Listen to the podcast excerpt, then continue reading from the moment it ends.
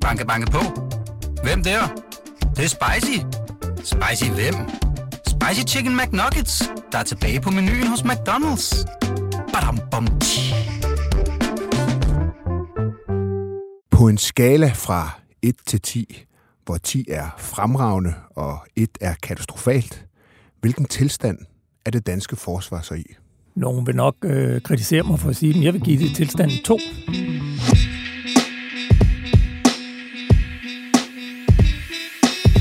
Velkommen til Slottet og Sumpen, kære lytter. Og en særlig velkomst til dig, Peter Ernstved Rasmussen. Du er redaktør på, kan, kan jeg godt sige, niche-mediet Det kan du roligt Olfi. Ja. Det, for dem, der ikke kender det, så er I et medie, der beskæftiger sig med forsvarspolitik, med det danske forsvar. Jeg, jeg jeg kan måske bedst illustrere det på den måde, at øh, når der indimellem er pressemøder, øh, som jeg jo går til, øh, og det handler om det danske forsvar, så sker der altid det, at journalisterne inden pressemødet går i gang, ligesom stemler lidt sammen om dig, Peter. Fordi der er en... Øh, det kan jeg godt sige, øh, en bred anerkendelse af, at du er den øh, journalist i Danmark, som har mest styr på det danske forsvar, simpelthen ved mest om det. Du er journalist, du har arbejdet otte år på Jyllandsposten, men du er også reserveofficer, du har været udsendt øh, til øh, Bosnien, Herzegovina øh, som FN-soldat, og du har også været kommunikationsofficer øh, i Irak. Så du har en baggrund som journalist, i øvrigt prisvendte journalist, og en fortid i forsvaret. Og det er netop øh, det danske forsvar, vi skal tale om i dag, fordi det er måske det, der ligger allerhøjst på den politiske dagsorden frem mod 2033 skal der bruges ikke mindre end 155 milliarder. Og hvis der var nogen, der fulgte det presmøde, som blev afholdt i går på Marienborg, så sagde statsminister Mette Frederiksen, at det kommer til at blive endnu flere penge. Og det er det, vi skal tale om i dag.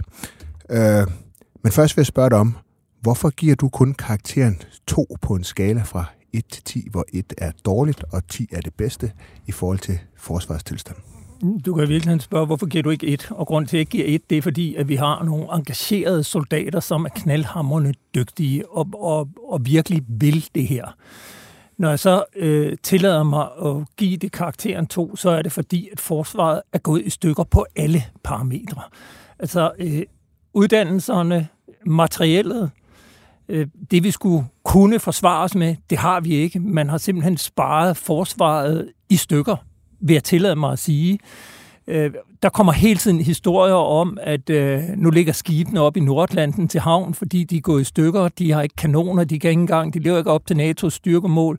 Jeg skrev selv en artikel i sidste uge med næstkommanderende i hæren, Henrik Lyne, som fortæller, at øh, vi mangler alt. Altså, vi, kan ikke engang, øh, vi har ingen natkampudstyr. Vi er blinde som høns om natten. Altså, hæren kan ikke kæmpe om natten. Vi har en her, der er bygget forkert op. Altså, vi skal have en tung brigade. Vi har lavet en, øh, en, en her, der er sådan en middeltung brigade, som kører nogle store busser, nogle piranjer, hvor den skulle køre i infanterikampkøretøjer. Øh, Vi har købt det forkerte artilleri. Vi har købt noget artilleri hos israelerne, som er lastbilsartilleri. Vi skulle have købt øh, pansrede haubitser, øh, som ville være det, vi skal bruge, når vi nu skal lave en tung brigade. Altså, på alle måder har vi lavet fejlinvesteringer, hvis du spørger mig i hvert fald. Vi har øh, for lidt. Vi mangler alt i form af våben, ammunition, reservedele, køretøjer, øh, noget så banalt som uniformer, støvler, hjelme, bukser, øh, altså sløringsnet. Ja, altså, det er over hele linjen, at det halter. Og jeg synes, det er ved at sige her, vi er to år inde i krigen i Ukraine, og hvor alle vores nabolande har oprustet massivt. Norge, Sverige, Finland, Estland, Letland, øh, Litauen, Polen, Tyskland har investeret massivt i forsvaret. Og det, man har gjort i Danmark, det er, at vi har sagt, at vi har investeret massivt i forsvaret. Og så har man lavet en plan, der går ud over 10 år, men den kunne først gå i gang i 2024. To år inden i krigen. Øh, og samtidig har man stresset forsvaret yderligere. Man har sendt en fregat, øh, man hævde den hjem, der var i Guinea-bugten, fordi nu hævede man beredskabet, den skulle ud og sejle i Østersøen. Nu har man sendt en fregat til øh, Mellemøsten, ned til det Røde Hav. Vi havde sendt en bataljon til Letland i øh, et år, så var vi nødt til at trække den hjem, for der var ikke flere soldater. Og, og hvad er det, der sker? Det er jo Tordenskjold soldater. Det er de samme soldater, man sender ud altid. Dem, der kom hjem fra Letland, noget af det første, største delen gjorde, det var, de sagde op, fordi der var ikke nogen udsigt til nogen øh, nyttig, øh, interessant tjeneste i det danske forsvar, da de først kom hjem.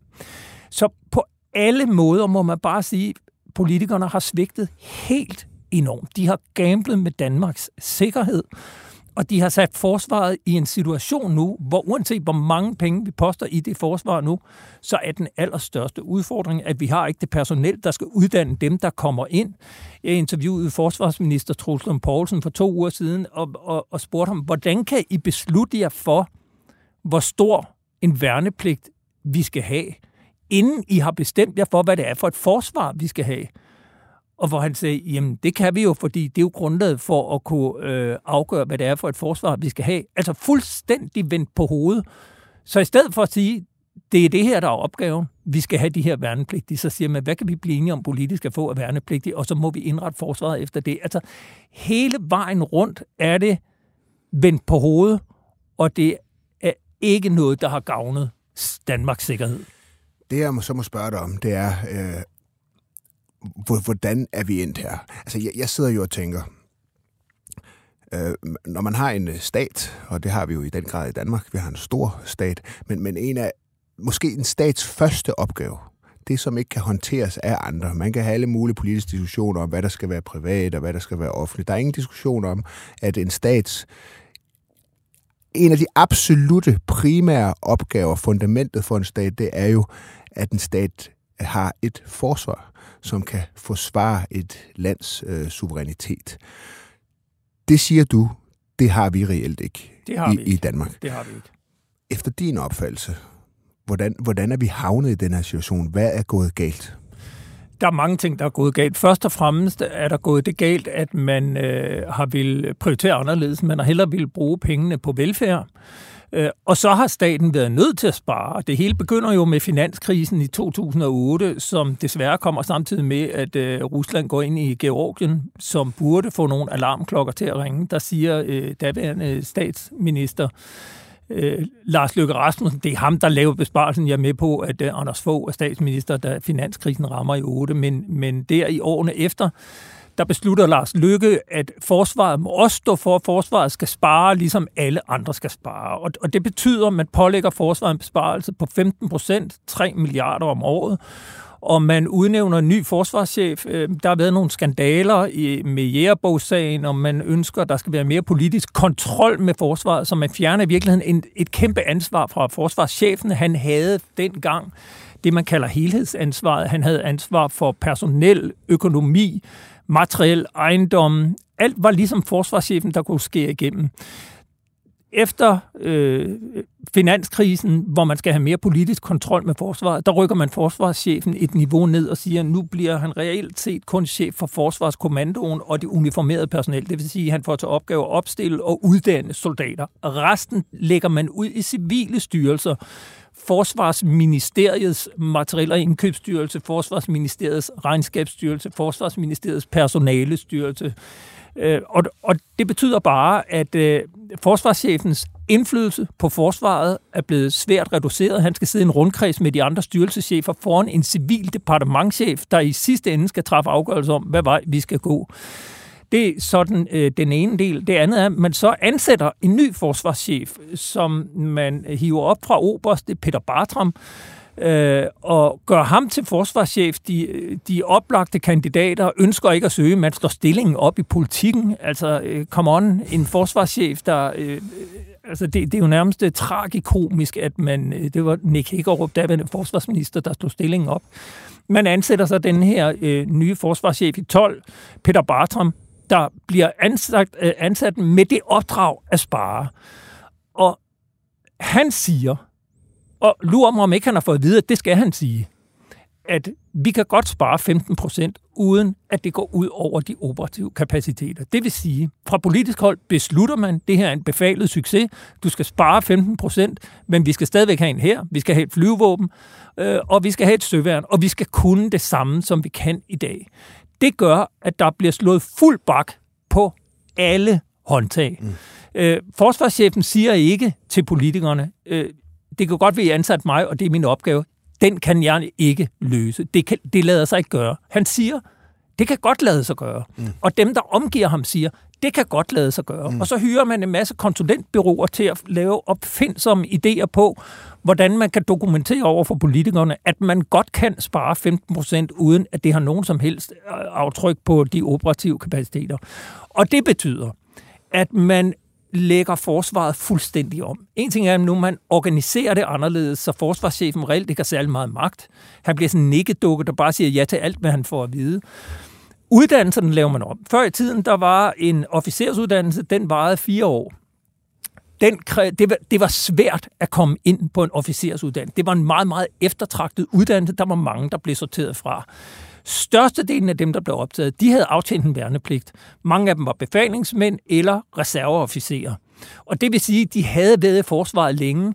De havde fået forsvarets DNA ind under huden. De havde nogle forudsætninger for at komme på officerskole. Nu siger man, officersuddannelsen, den skal kun være to år. Vi skal have det sådan, man kan flekse ud og ind af det civile samfund, for det er vigtigt, så kan vi lettere tiltrække nogle mennesker. Det man ikke tænker på, det er, at det er også utrolig nemt at sige op og komme ud af forsvaret. Øh, man har gjort det sådan, at øh, man nu skal være bachelor, uddannet bachelor fra et universitet, for at blive optaget på en officerskole. Hvad betyder det? Det har nogle, en række konsekvenser.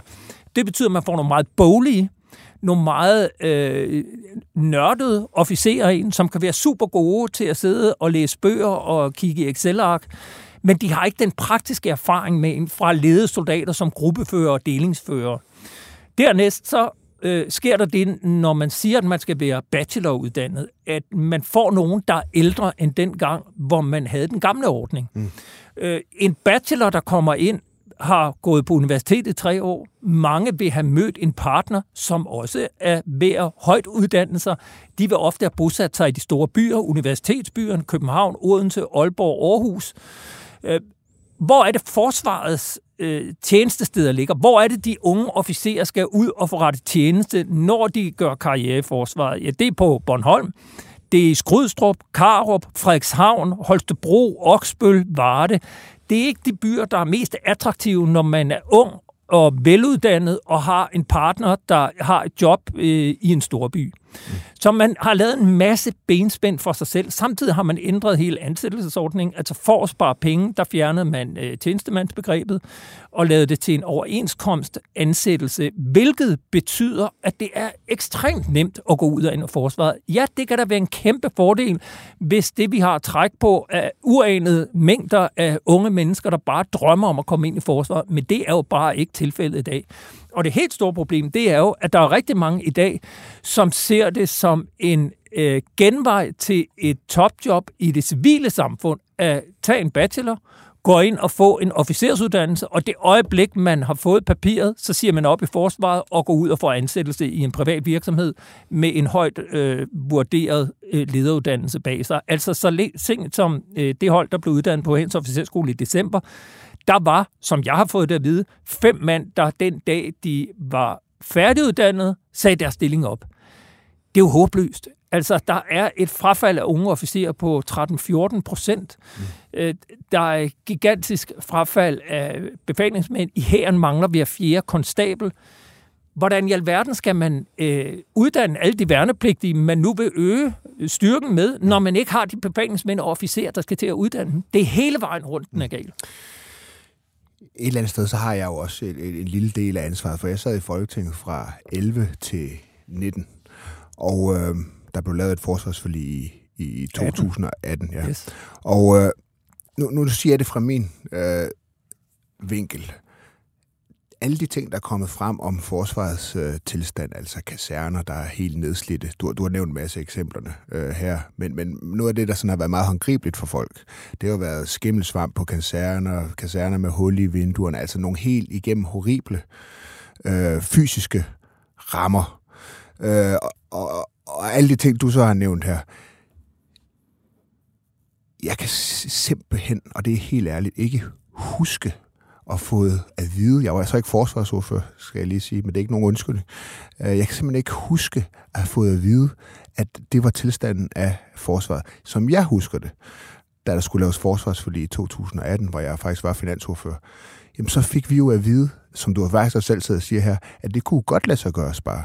Det var det, som forsvaret fortalte politikerne. Øh, så det er selvfølgelig politikerne, der sidder med ansvar. Det er dem, der tager beslutningerne. Men, men som jeg ser det, så er der altså et eller andet andet, der også er gået galt her. Det er altså, gået, hvor, det er gået hvor, galt hvorfor er forsvaret så elendige til selv at råbe op om de problemer, der er? Hvor, hvorfor er de så nogle nikkedukker? Er det, som du siger, fordi man ansætter de for forkerte, men hvor er Det er, høre, det, korporalerne? Hvor er, øh, er altså jo- alle andre? det er jo selvfølgelig er det politikernes ansvar, hvem man ansætter, men der er ikke tvivl om, man har ansat de, eller man har promoveret de forkerte. Og hvem er de forkerte? De forkerte, det er dem, som jeg vil kalde politiske officerer, mm. som ikke er dem, der kommer fra den operative del af forsvaret. Altså i et hvert andet land, der vil man prioritere at have en øverstbefalende, som har prøvet det selv, mm. som har været i krig, mm. som har haft operativt, ført enheder, operativt haft soldater under sig, stået og truffet svære beslutninger ude i den virkelige verden. Der har været rigeligt med krige, hvor Vesten har været engageret, Irak, Afghanistan, Libyen. Det er som om, at Danmark er det eneste sted, hvor man siger, for Guds skyld, lad os undgå at få de operative, besværlige officerer frem. Lad os holde os til skrivebordsofficererne, der bare øh, forstår, øh, der, der har politisk gehør og kan forstå, hvad det er, vi siger. Så får man det forsvar, som vi har fået i dag. Altså, jeg kan bare tage et eksempel. Forsvarschef Flemming Lendfer, flyvergeneral, han er en af de eneste officerer i det danske forsvar, der aldrig nogensinde har været udsendt i en international mission. Er det et problem? Ja, det er faktisk et problem.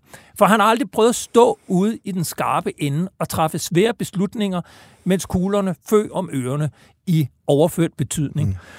Han er vokset op bag et skrivebord og har lært at flytte papirer rundt, så alt ser super godt ud. Og det, man jo har skabt ved at få de her politiske officerer frem, det er, at man har præget dem til bare at sige ja vel, fordi det var vejen til at få en god karriere. Hvis du indordnede dig, sagde ja vel, fik lorten til at ligne glansbilledet, glansbillede, jamen så var din øh, vej belagt med guld og støv og medaljer og ordner. Og så står man med det, man har i dag. Altså tænk os, at vi kan have en forsvarsminister, der i maj 2023 har fået lavet et såkaldt kasseeftersyn, der lige pludselig, out of the blue, erkender, at vi mangler faktisk 38 milliarder kroner, for at vi kan løse det, vi egentlig har sagt, vi skulle kunne løse i dag. Ved siden af står en forsvarschef, der siger, ja, jeg var godt nok øh, med til at træffe alle beslutningerne. Jeg var øh, en af dem, der førte an i alle øh, nedskæringerne, og nu er det mig, der er den bedste til at genopbygge forsvaret. Altså forsvarschefen har gentagende gange sagt, og hans forgænger, Bjørn Biserup, har gentagende gange sagt, vi kan slet ikke bruge så mange penge hurtigt. Altså, det er simpelthen, det er umuligt. Øh, det tager syv år, fra man køber en materiel genstand til, at den er købt, og den er indfaset, og den er operativ. Så please, lad være med at give os for mange penge. Samtidig står man ude i den skarpe ende, i den virkelige verden, i Afghanistan, i Irak, i Libyen, på kasernerne i Holstebro, Oksbøl og øh, Høvelte, og siger, hvorfor har vi ingen reservedele? Hvorfor er vores infanterikampkøretøjer fuldstændig nedslidte, og der, går, og der går år før vi kan få dem opgraderet? Hvorfor har vi ikke kampvogn nok? Hvorfor har vi ikke våben? Hvorfor har vi ikke ammunition? Hvorfor har vi ikke uniformsgenstande? Der er så mange ting, man kunne have købt i går, mm. uden at det krævede nye udbudsrunder, og at Materiel- og Indkøbsstyrelsen skulle ind i nogle øh, meget omfattende indkøbsprocedurer. Øh, man kunne bare trykke på en knap, øh, sende en mail og sagt til dem, der allerede har leveret noget, vi, har, vi skal have mere af det her. Vi har mm. fået noget, men det er slet ikke nok. Vi ganger lige med 10. Mm. Vi skal have ammunition, vi skal have våben, vi skal have køretøj, vi skal have reservedele. Vi skal have sløringsnet og natkampudstyr, så vi også kan kæmpe om natten. Vi skal have nogle missiler til vores fregatter, så de rent faktisk kan forsvare sig. Intet er der sket, mm. siden krigen i Ukraine brød ud. Overhovedet. Mm. Altså, man afsat 7 milliarder kroner i et nationalt kompromis øh, to uger efter krigen brød ud, hvor det vigtigste, man sagde, det er, at nu kommer vi op på 2 procent om 12 år. Det sagde man mm. i 22, mm. det vil sige 34, men man nu op på 2 procent. Det tal er så, eller det årstal er rykket frem flere gange. Det man også sagde, det var, nu afsætter vi så en akutpakke på 7 milliarder kroner til at genopfylde lagerne og styrke forsvaret. 7 milliarder kroner. Okay, hvor lang tid gik der, før at de penge var brugt på donationer til Ukraine? Der gik cirka tre måneder, vil jeg tro. Resten af pengene blev brugt til at øh, betale en milliard, man skyld på nogle kampfly, og de sidste penge, de gik på at sende den ene bataljon til Letland et år, og på at sende en fregat ud i Østersøen. Mm. Pengene var væk, inden man overhovedet fik set sig om. Mm. Og så står man kunne hjælpe med stadigvæk og siger, vi har styrket forsvaret. Nej, det har man ikke. Og hvis man tror, at man fastholder soldater ved at stikke dem blå i øjnene, altså at vi har en forsvarsminister, der for en uge siden står på et øh, forsvarsministermøde i NATO og siger, jeg har en rigtig glædelig meddelelse, at vi nu lever op til NATO's målsætning om at bruge 2% af BNP på forsvar. Altså, hvordan reagerer soldater, der står og mangler alt? De tænker bare, hvad fanden er det, der foregår? Altså, det kan da godt være, at vi med donationer har været i føretrøjen, og at vi, hvis vi lægger donationerne oven i de penge, vi bruger på forsvar, kommer op på 2%. Men det er jo ikke noget, der på nogen som helst måde styrker dansk forsvar. Banke, banke på. Hvem der? Det, det er spicy. Spicy hvem? Spicy Chicken McNuggets, der er tilbage på menuen hos McDonald's. Badum, bom, tji. Så lad os se lidt på fremtiden. Det er jo en, øh, det er jo en voldsom øh, diagnose, du, du, du, du stiller her. Og det, det, er jo, det er jo en, altså, du er ikke den eneste, der gør det. Der er jo, altså, jeg tror, det er gået op for mange, inklusive mig selv, hvilken horribel tilstand øh, det danske forsvar er i. Men der er jo trods alt så sket noget øh, politisk, og det er det, der sådan lidt handler om, om fremtiden.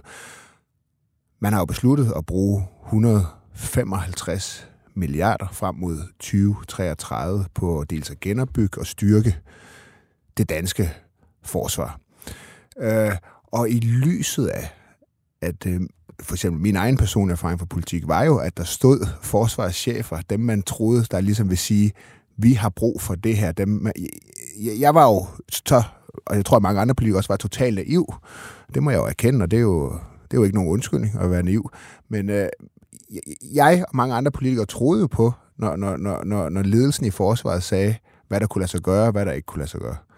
Og det var så dumt. Men, øh, men nu har man jo så besluttet at bruge ganske mange penge. Forsvaret er noget nær det højeste på den politiske dagsorden. Jeg læser også øh, det politiske landskab sådan, at der, der er en reel vilje til at styrke det danske forsvar. Men hvad er udfordringerne? Hvad er udfordringerne nu? Nu, nu er der ikke længere problemer med at få penge fra politikerne, øh, men hvad er, hvad, hvad er det for nogle udfordringer, det danske forsvar står med fremadrettet med det, der ligesom er besluttet? Jeg vil sige, hvor skal jeg begynde? Jeg, jeg kunne faktisk godt tænke mig at, at lige komme med en lille positiv bemærkning. Mm. Fordi er der noget, jeg midt i alt denne armod glæder mig over, så er det, at der nu er kommet en politisk bevågenhed, og at der er et meget, meget bredt flertal i Folketinget, der bakker op om en styrkelse af det danske forsvar. Det er historisk, og det er glædeligt. Mm. Problemet er, at alle de besparelser, man har lavet gennem årene, hvor man i virkeligheden har sparet meget lidt, men det har haft meget voldsomme konsekvenser. Det gør, at vi er sat lysår tilbage i forhold til at genopbygge et ordentligt forsvar. Et forsvar, der fungerer. Og det kræver, at vi bliver nødt til at justere på alle knapper igen. Vi er nødt til at justere på uddannelserne. Hvis du spørger mig, er vi nødt til at lave noget? Det kan godt være, at det ikke skal hedde tjenestemandsansættelser. Man er nødt til at lave en etatsuddannelse, der er eftertragtet, som gør, at folk har lyst til at blive der. Man er nødt til at se på lønningerne. Man er nødt til at anskaffe alt det materiel, vi ikke har Hvad er noget af. etatsuddannelse, bare lige for... Jamen, etatsuddannelse, det er jo en officersuddannelse, hvor man øh, kommer ind og bliver uddannet til at være soldat. Det er ikke noget, du kan tage på, en, øh, på et civilt universitet. Det kan godt være, at der er nogle fag, der kan være de samme. Men det er jo en erkendelse af, at det at være officer, det er noget andet end at være akademiker. Altså, det er et vi, håndværk. Det er et håndværk, og vi er nødt til at komme tilbage til en adskillelse, hvor vi siger, at det her det er for vigtigt til at lege, at det kan løses af civile. Altså, det kræver, at man har en forståelse for, hvad et forsvar er, hvordan det opererer, hvad det er for opgaver, det skal løse, og hvad det er for noget mandskab, man har til rådighed. Det er ikke en, akademi, en, en, en akademisk Så uddannelse. stop, stop med folk med bacheloruddannelser fra... de skal jo være velkomne til at komme ind i forsvaret, men det er jo vanvittigt at gøre det til et krav og sige, at alle de dygtige befalingsmænd, som ikke har nogen bacheloruddannelse, men som vil være fremragende officerer, og i virkeligheden langt bedre officerer end dem, der har en eller anden øh, universitetsuddannelse, at sige, du kan altså ikke komme ind på officerskolen, før du lige har været ude og runde de civile. Hvad er det så, der sker, når man mm. bliver mødt af den? Så tænker man, okay, så kommer man ud i det civile og får en uddannelse, hvor man måske får øjnene op for noget andet, og tænker, gider jeg overhovedet gå tilbage i det der system, som, som i øvrigt slet ikke vil have mig? Nej, jeg finder der på noget andet. Altså, man gør alt, hvad man kan for at skubbe folk væk, og sælger det som, at vi er enormt attraktive, og vi er enormt kloge, og vi er simpelthen øh, det mest fantastiske. Altså, alt for mig at se, er man nødt til at mue ud og bygge op. Og, og for mig at se, er det også utopi at tro, at den ledelse, der er der nu, er den rette til at lave den omvæltning. Det er den ikke. De repræsenterer noget, som er i går, og vi har brug for nogen, der tænker i morgen. Og hvem gør det? Ja, der må jeg bare sige, at jeg tror, det er helt afgørende, at vi får den der civile tankegang mod ud og sagt, det vigtigste for forsvaret er ikke grøn omstilling eller øh, alt muligt andet pseudo. Nej, det vigtigste for forsvaret er, at vi kan forsvare Danmark. Mm. Det kræver soldater, det kræver udrustning, det kræver våben, det kræver ammunition. Kan, kan du ikke lige godt, fordi nu, nu, nu siger du, det, det du taler om, det er jo virkelig sådan en akademi, akademisering Ja. af, af forsvar, altså væk fra håndværket at være befalingsmand Ja. øh, og over mod en eller anden akademisering. Øh, øh, og, men kan, kan, bare lige for, for mig, øh, gentage, altså problemet med forsvarschefen, som du ser det i dag, hvad, hvad er det? Jamen det er, at, øh, at, at vi har en topledelse i forsvaret, der ikke er fostret i den operative del af forsvaret. Okay, ja. Og man er nødt til at have en forståelse for, hvad det er for problemstillinger, der er for de operative soldater. Mm. Altså, når jeg hører forsvarschefen i dag, jeg kan slet ikke forstå, at han ikke råber politikerne ind i ørerne, eller er han på eget initiativ. Han burde da så på eget initiativ sørge for, at vi fik våben, ammunition, køretøjer, reservedele, at bygningerne bliver renoveret. For det er fuldstændig afgørende for, om man kan fastholde sit personel. Det er det, du mener med nikkedukker. Altså, Præcis, Ja, præcis. Der tror jeg, at der er behov for, at der kommer nogen ind, som ikke er bange for at sige politikerne midt imod, mm. og tør hejse flaget og sige, forget it. Hvis I vil have et forsvar, så er det det her, der er brug for. Altså, en vores oberst nabo- Hagel. Der er brug for en lidt en oberst Hagel-type. Jamen, det er, jo, det er jo det, der er så forfærdeligt. Man fik jo i tale sat de rigtige officerer som oberst Hagel-typer. Det blev mm. gjort nedladende. Mm. Der blev sået disrespekt om det at være officer i forsvaret. Mm. Mm. Og så promoverede man alle de forkerte. Mm. Der er brug for, at vi giver officererne den respekt igen. Det er at, og viser den respekt, at det at være soldat og officer, befalingsmand, konstabel, det er et håndværk. Mm-hmm. Og det er et håndværk, du kun kan lære iført en uniform. Mm. Og at man så lader dem, der har forståelsen for den operative del af forsvaret, være dem, der får de højeste placeringer. For det er dem, der kan tale klart sprog. Jeg kan jo ikke... for- Jeg er jo selv, som du fortæller, reserveofficer. Jeg voksede op i den kongelige livgarde. Jeg var øh, befalingsmand, og gennem hele det system. Jeg er jo indoktrineret. Altså, jeg bærer forsvaret i mit DNA. Også som officer, selvom jeg kun har været reserveofficer. Men det, der ligger for mig i at være officer, det er, at man står op for det, man tror på. Mm. Man har en høj moral, en høj etik, mm. og man råber op, når der er noget, der er forkert. Mm. Og det gør man velvidende, at det nogle gange kan koste jobbet. Det kan koste dig en forsat, der siger, dig kan jeg ikke bruge, fordi øh, med den holdning, der kan jeg ikke bruge dig. Fair nok, men så har man meldt kulør, man har sagt, hvad det var, der var galt, og så kan man forlade der, hvor man er, med rank ryg. Mm. Jeg har meget svært ved at finde den officer i toppen af systemet, der på noget tidspunkt har risikeret sin egen stilling, fordi der var noget, der var vigtigere end ens egen karriere. Mm. Dem, der sidder i toppen af forsvaret, de har alle sammen lavet sig bøje ind i en politisk pseudoverden, hvor alt bare skulle se godt ud. Og det kan man ikke have særlig meget respekt for. Der er brug for nogen, der sætter foden ned. Og jeg synes jo, det er øh, interessant at se til bare vores naboland Norge og Sverige. Altså i Norge og Sverige har man nogle forsvarschefer, der tør gå ud og sige, hvad der er brug for. Vi har brug for flere kampvogne, vi har brug for kampfly, vi har brug for ammunition. Det hører man ikke en forsvarschef sige, før ministeren har sagt, eller systemet har lavet ham forstå, nu er det nok opportunt, du går ud og siger det her. I Sverige og Norge, der kører øh, forsvarsdebatten på den måde, at politikerne giver forsvarschefen et opdrag til at fremlægge sin plan for først et trusselsbillede, og dernæst en plan for, hvordan forsvaret kan indrettes. Så fremlægger forsvarschefen øh, nogle trusselscenarier og nogle muligheder for, hvordan man kan indrette forsvaret derefter. Det er rapporter, der kommer ud i offentligheden, der bliver debatteret åbent, og så sætter politikerne sig sammen og forhandler et forlig på plads. I Danmark kører det fuldstændig hermetisk lukkede døre. Det oplæg, forsvarschefen øh, kom med til politikerne i efteråret, mm. som skulle danne grundlag for det første delforlig, der blev indgået i januar, det var jo klassificeret. Der var ingen, der måtte læse det. Det kom kun frem, fordi det blev lækket til TV2. Oven i det, så er det jo helt ned og brættet af politikerne, fordi forsvarschefen gad ikke engang opstille nogle optioner. Han kom med sit forslag.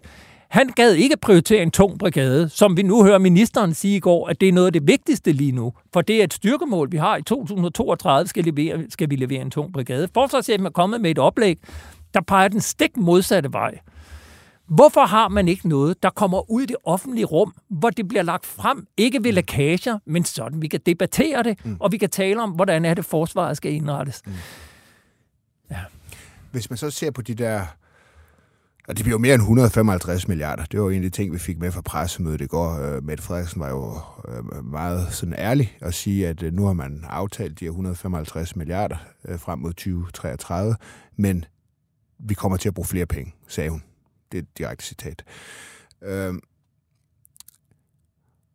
som du ser det, hvor, hvor, altså, hvad, hvad er udfordringerne med at bruge de her penge? Hvad, hvad, hvad er det, for, altså igen, hvad er det for nogle udfordringer, vi står med lige nu sådan helt konkret i forhold til Den, det, der skal ske? Det kan jeg godt sige. Den største udfordring er, at det er meget, meget svært at erkende en fejl.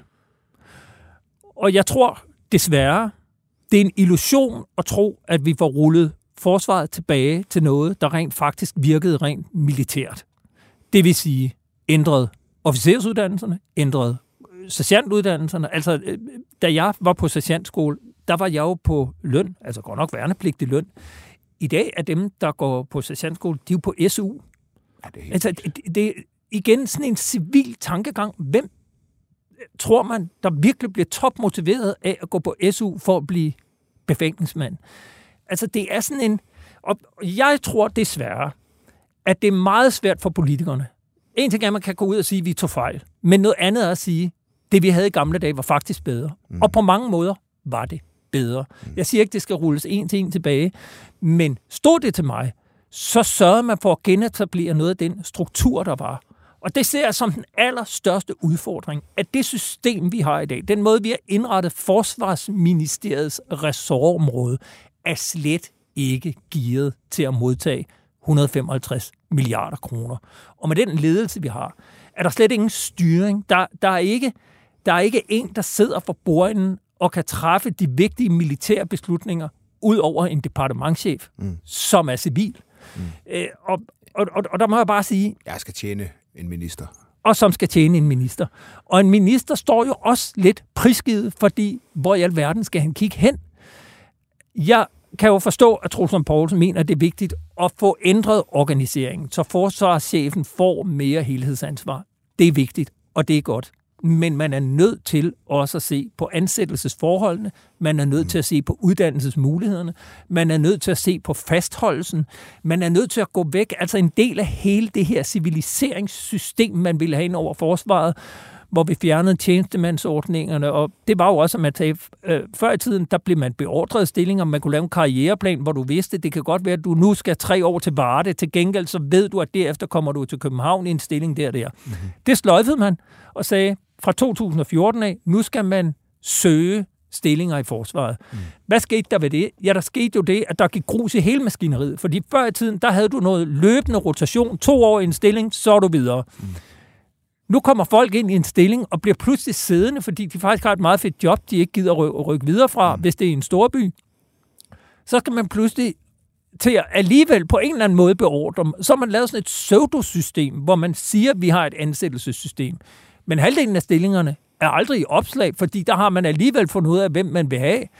Men andre siger man, at du skal søge den her stilling. Så sidder man og bruger oceaner af tid på at lave ansøgninger og øh, gå til jobsamtaler, hvor man bare tænker, det er, jo helt, det er jo helt håbløst. Altså før i tiden, der kunne du ude på en kaserne, jeg var ved Livgarden, der var der en chef A, chef administration, som kunne sidde, og en chef P, chef personel, der kunne sidde og øh, have samtaler med de øh, tjenestegørende og sige, godt, hvis du gerne vil den mig, jamen, så foreslår jeg, at vi laver en plan, der hedder sådan og sådan. Mm.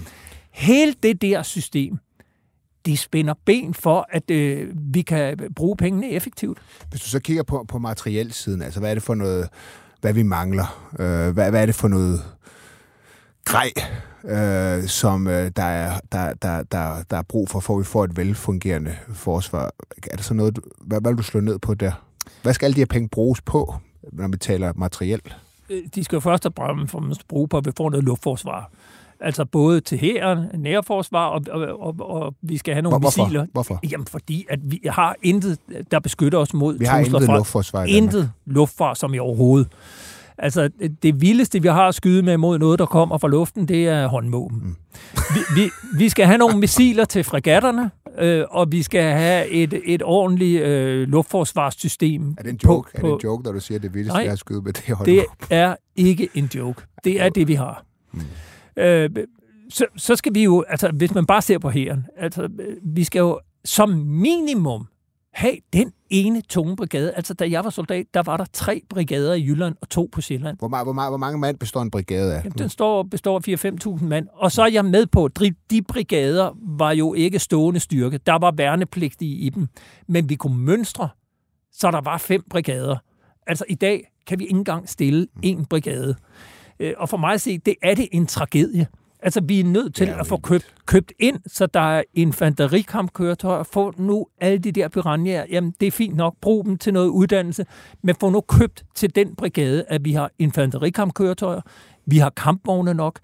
Og så har vi jo et logistik, efterretning. Vi har alt det, der skal bruges til den brigade, kan fungere. Så skal der helt sikkert købes nogle flere kampfly. Jeg tror ikke, at det bliver de 10, som forsvarschefen ønskede, men der skal købes nogle kampfly. Altså jeg kan jo, F-35. Ja. F-35, ja. Så er man jo ved at bygge nogle miljøkrigsskibe, hvor igen tankegang om, at alt det forsvaret skulle have store investeringer, Et, et, hvad? Et miljøkrigsskib. det er fordi, at øh, er det, når politikerne skal lave store investeringer i øh, eksempelvis øh, fartøjer til, til søværnet, så tænker man først og fremmest arbejdspladser. Man tænker ikke, hvor får vi mest slagkraft? Nej, det handler om arbejdspladser, og så handler det om det, der meget populært hedder dual use. Det vil sige, vi skal købe noget, vi også kan få glæde af i det civile samfund. Hvad gør man så? Jamen, så opfinder man noget, man, det kalder man, det er mig, der kalder det et miljøkrigsskib. Mm. De miljøskibe, vi har, som hører under søværnet i dag, de var, da jeg øh, som praktikant på Jyllandsposten i 2001 var nede ved Farøbroen og dækkede den seneste store miljøkatastrofe i danske farvande. Der var de miljøskibe, der lå ude og samlede olie op, allerede erklæret forældet. Der var de for seks år siden erklæret forældet. De er endnu ikke skiftet ud. Det er dem, vi bruger til miljøbekæmpelse i dag. Men i stedet for at købe nogle skibe, der er 100% fokuseret på at lave miljøberedskab, så siger man, nej, det, er stadig, det skal ligge i forsvaret, og det skal være nogle krigsskibe, som så kan omstille sig til også at samle olie op. Så nu er man ved at lave en hybrid, som på den ene side skal være en slags korvet, der kan sejle i de indre danske farvande, som krigsskib med kanon og hvad der er luftforsvarsting, men det skal samtidig være det skib, vi sætter ind, hvis der kommer en miljøkatastrofe. Og det er der, hvor man gang på gang begår fejl. Fair nok, at man skal være effektiv, man skal få mest for pengene. Men jeg tror, vi bider os selv i halen ved at blive ved at tro, at vi skal løse alting med noget, der kan det hele. Det kan man ikke. I, I forhold til, til luftforsvar... Øhm, det, Ja, det- må jeg ikke bare lige sige, Ja, ja, ja. inden jeg slutter den. Ja, Ja. Hvad skal vi også have? Vi skal have ubåde. Mm. Altså, jeg fatter simpelthen ikke, at den debat har været ulovligt at tage, når man kommer op i de høje luftlag. Vi aner ikke, hvad der foregår under havoverfladen i Danmark. Man har så... Jeg har haft i, et angreb, kan man sige. Her, og man, man har i det seneste forlig fra 2018 besluttet, at to af de fregatter, vi har, de skal være anti-ubådsfregatter. Så de skulle nu have slæbesonar, så de kunne jagte ubåde. Har man her, syv år efter det blev besluttet, købt de slæbesonar? Nej, det har man ikke. Altså, de anti-ubådsfregatter har ikke engang en sonar, så de kan jagte ubåde. Altså, det er en joke. Det er vildt. Vi skal have ubåde, og det er vigtigt. Mm. I, I forhold til lu- luft, luftforsvar, hvor, hvor, hvor er det vigtigst, som du ser det, at man har et, øh, et, et luftforsvar? Jamen, altså, jamen, det- Bare lige for at sige, øh, der sidder sikkert nogen, der er fuldstændig inde i, i, i, i, i, øh, i termerne her, ikke? Øh, altså, der er forskel på luftværn og luftforsvar. Ja, og- og- Et luftforsvar, det kan skyde missiler ned, der, der rammer også byer og så videre. Og jeg er slet ikke 100 meter mester på Nej, luftværn og, og, og luftforsvar, men, men det, der jo er brug for, det er jo, at der, vi skal have noget, der kan beskytte vores flyvestationer væsentligt, hvor vi har vores F-35 kampfly. Det skal jo øh, kunne beskytte de vigtigste installationer i Danmark, altså de vigtigste myndigheder. Vi håber vel, at der er noget, der kan forsvare og skyde noget ned, der kommer mod København, mm. mod flyvestationerne. Hæren skal have noget, der er mobilt, der kan fors- øh, sikre forsvar mod hæren. Og så skal skibene, fregatterne, selvfølgelig have et luftforsvarssystem også. Hvad vil der ske, hvis der blev sendt et øh, missil mod København i dag? Ja, så vil det øh, forrette øh, stor skade. Vi vil ikke kunne skyde den ned. Nej. Hele, nu- hvis jeg nu er lidt djævelens advokat et øjeblik, så siger jeg, jamen øh, prøv nu at høre Peter, politikerne de siger jo, at øh, der er jo ikke nogen, øh, der er jo ikke nogen umiddelbar trussel fra, fra Rusland. Det er, jo, det er jo Rusland, der har været anledning til, til hele det nationale kompromis og til forsvarsforlidet og alle de her ekstra penge. Men, men der, der er jo ikke der er jo ikke nogen trussel, så vil det ikke være bedre at bruge de her penge på, på, på velfærd? Altså Danmark er ikke direkte troet, og vi er et NATO-land. Og, og Jeg synes, det er, det- helt utrolige i den her historie, det er, at Forsvarets efterretningstjeneste i december afleverede en rapport, hvor der ikke var nogen trussel mod Danmark. Øh, En måned efter finder man ud af, at der er altså måske alligevel en trussel, der er så voldsom, at vi er nødt til at reagere på den. Det understreger for mig en fæl mistanke, som vi har haft i mange år om, at Forsvarets efterretningstjeneste er under øh, ekstrem politisk påvirkning. Forsvarets efterretningstjeneste afleverer de rapporter til regeringen, som regeringen gerne vil have. Mm. Altså, lad os nu lade være med at sætte Forsvarets efterretningstjeneste op på en pedestal, hvor de er orakler. De har taget fejl så mange gange. Tænk nu bare øh, exit fra Afghanistan, hvor efterretningstjenesten var ude og sige, at øh, det var helt urealistisk, at Taliban ville stå i, øh, i, Kab- i Kabul inden årsskiftet, og så gik der en uge, og så stod Taliban midt inde i Kabul. Der har været andre sager. Det her, det synes jeg igen understreger, at der er noget helt galt i den måde, vi driver efterretningstjenester på. Altså tilbage i den tid, da jeg var soldat. I gamle dage, og nu lyder som en gammel, sur øh, mand, og det er han nok også. Der var det jo en, en officer i sin slutstilling, som var fuldstændig ligeglad med, hvad politikerne sagde og ønskede. Han sagde, hvad han kunne se, og hvad hans efterretninger sagde. Det ændrede sig jo, da man fik den efterhånden berømmede Lars Finsen ind som departementchef i Forsvarsministeriet. Han ansatte den første civile chef for Forsvarets efterretningstjeneste, Thomas Arnkiel, der siden blev departementchef, og de byttede jo plads i sådan en besønderlig rokade. Mm. Det skete i de år, hvor der var meget fokus på øh, terrortruslen mod Danmark. Og fair nok, øh, vigtigt, man satte på det, men det betød også bare, at efterretningstjenesten blev ekstremt politiseret. Man fik en embedsmandstype ind, som igen forstod det politiske spil, havde politisk forståelse og politisk gehør, og godt kunne se, hvad det var, øh, man gerne ville have fra politisk hånd.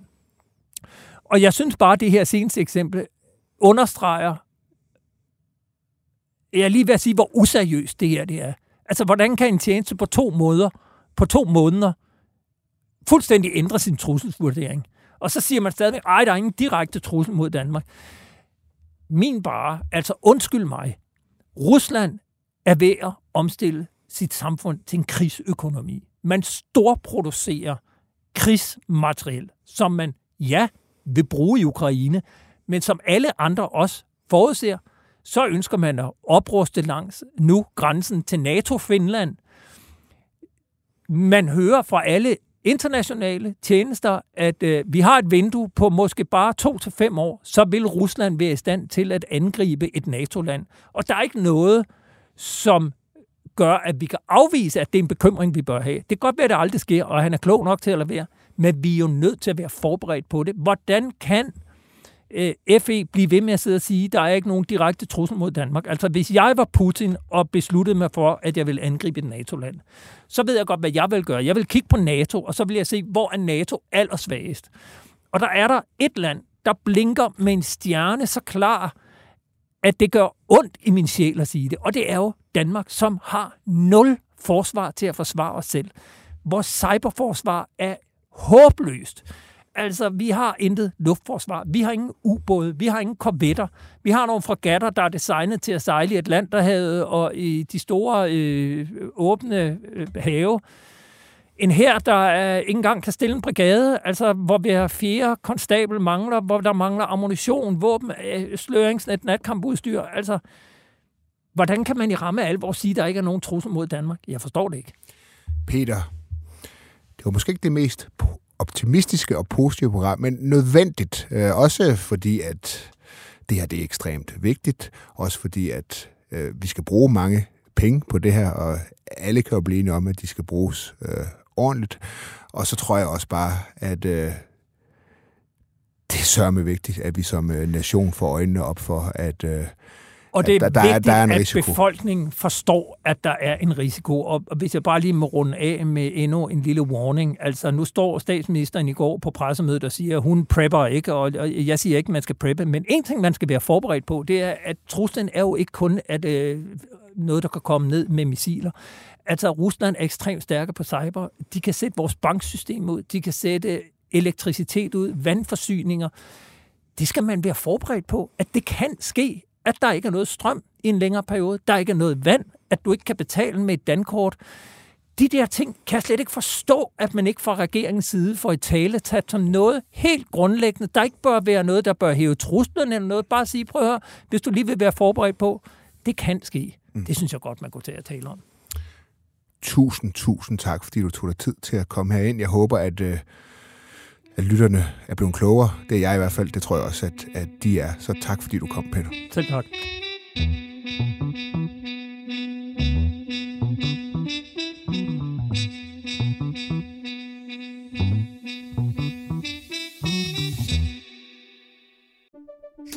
Banke, banke på. Hvem der? Det, det er spicy. Spicy hvem? Spicy Chicken McNuggets, der er tilbage på menuen hos McDonald's. Badum, bom, tji.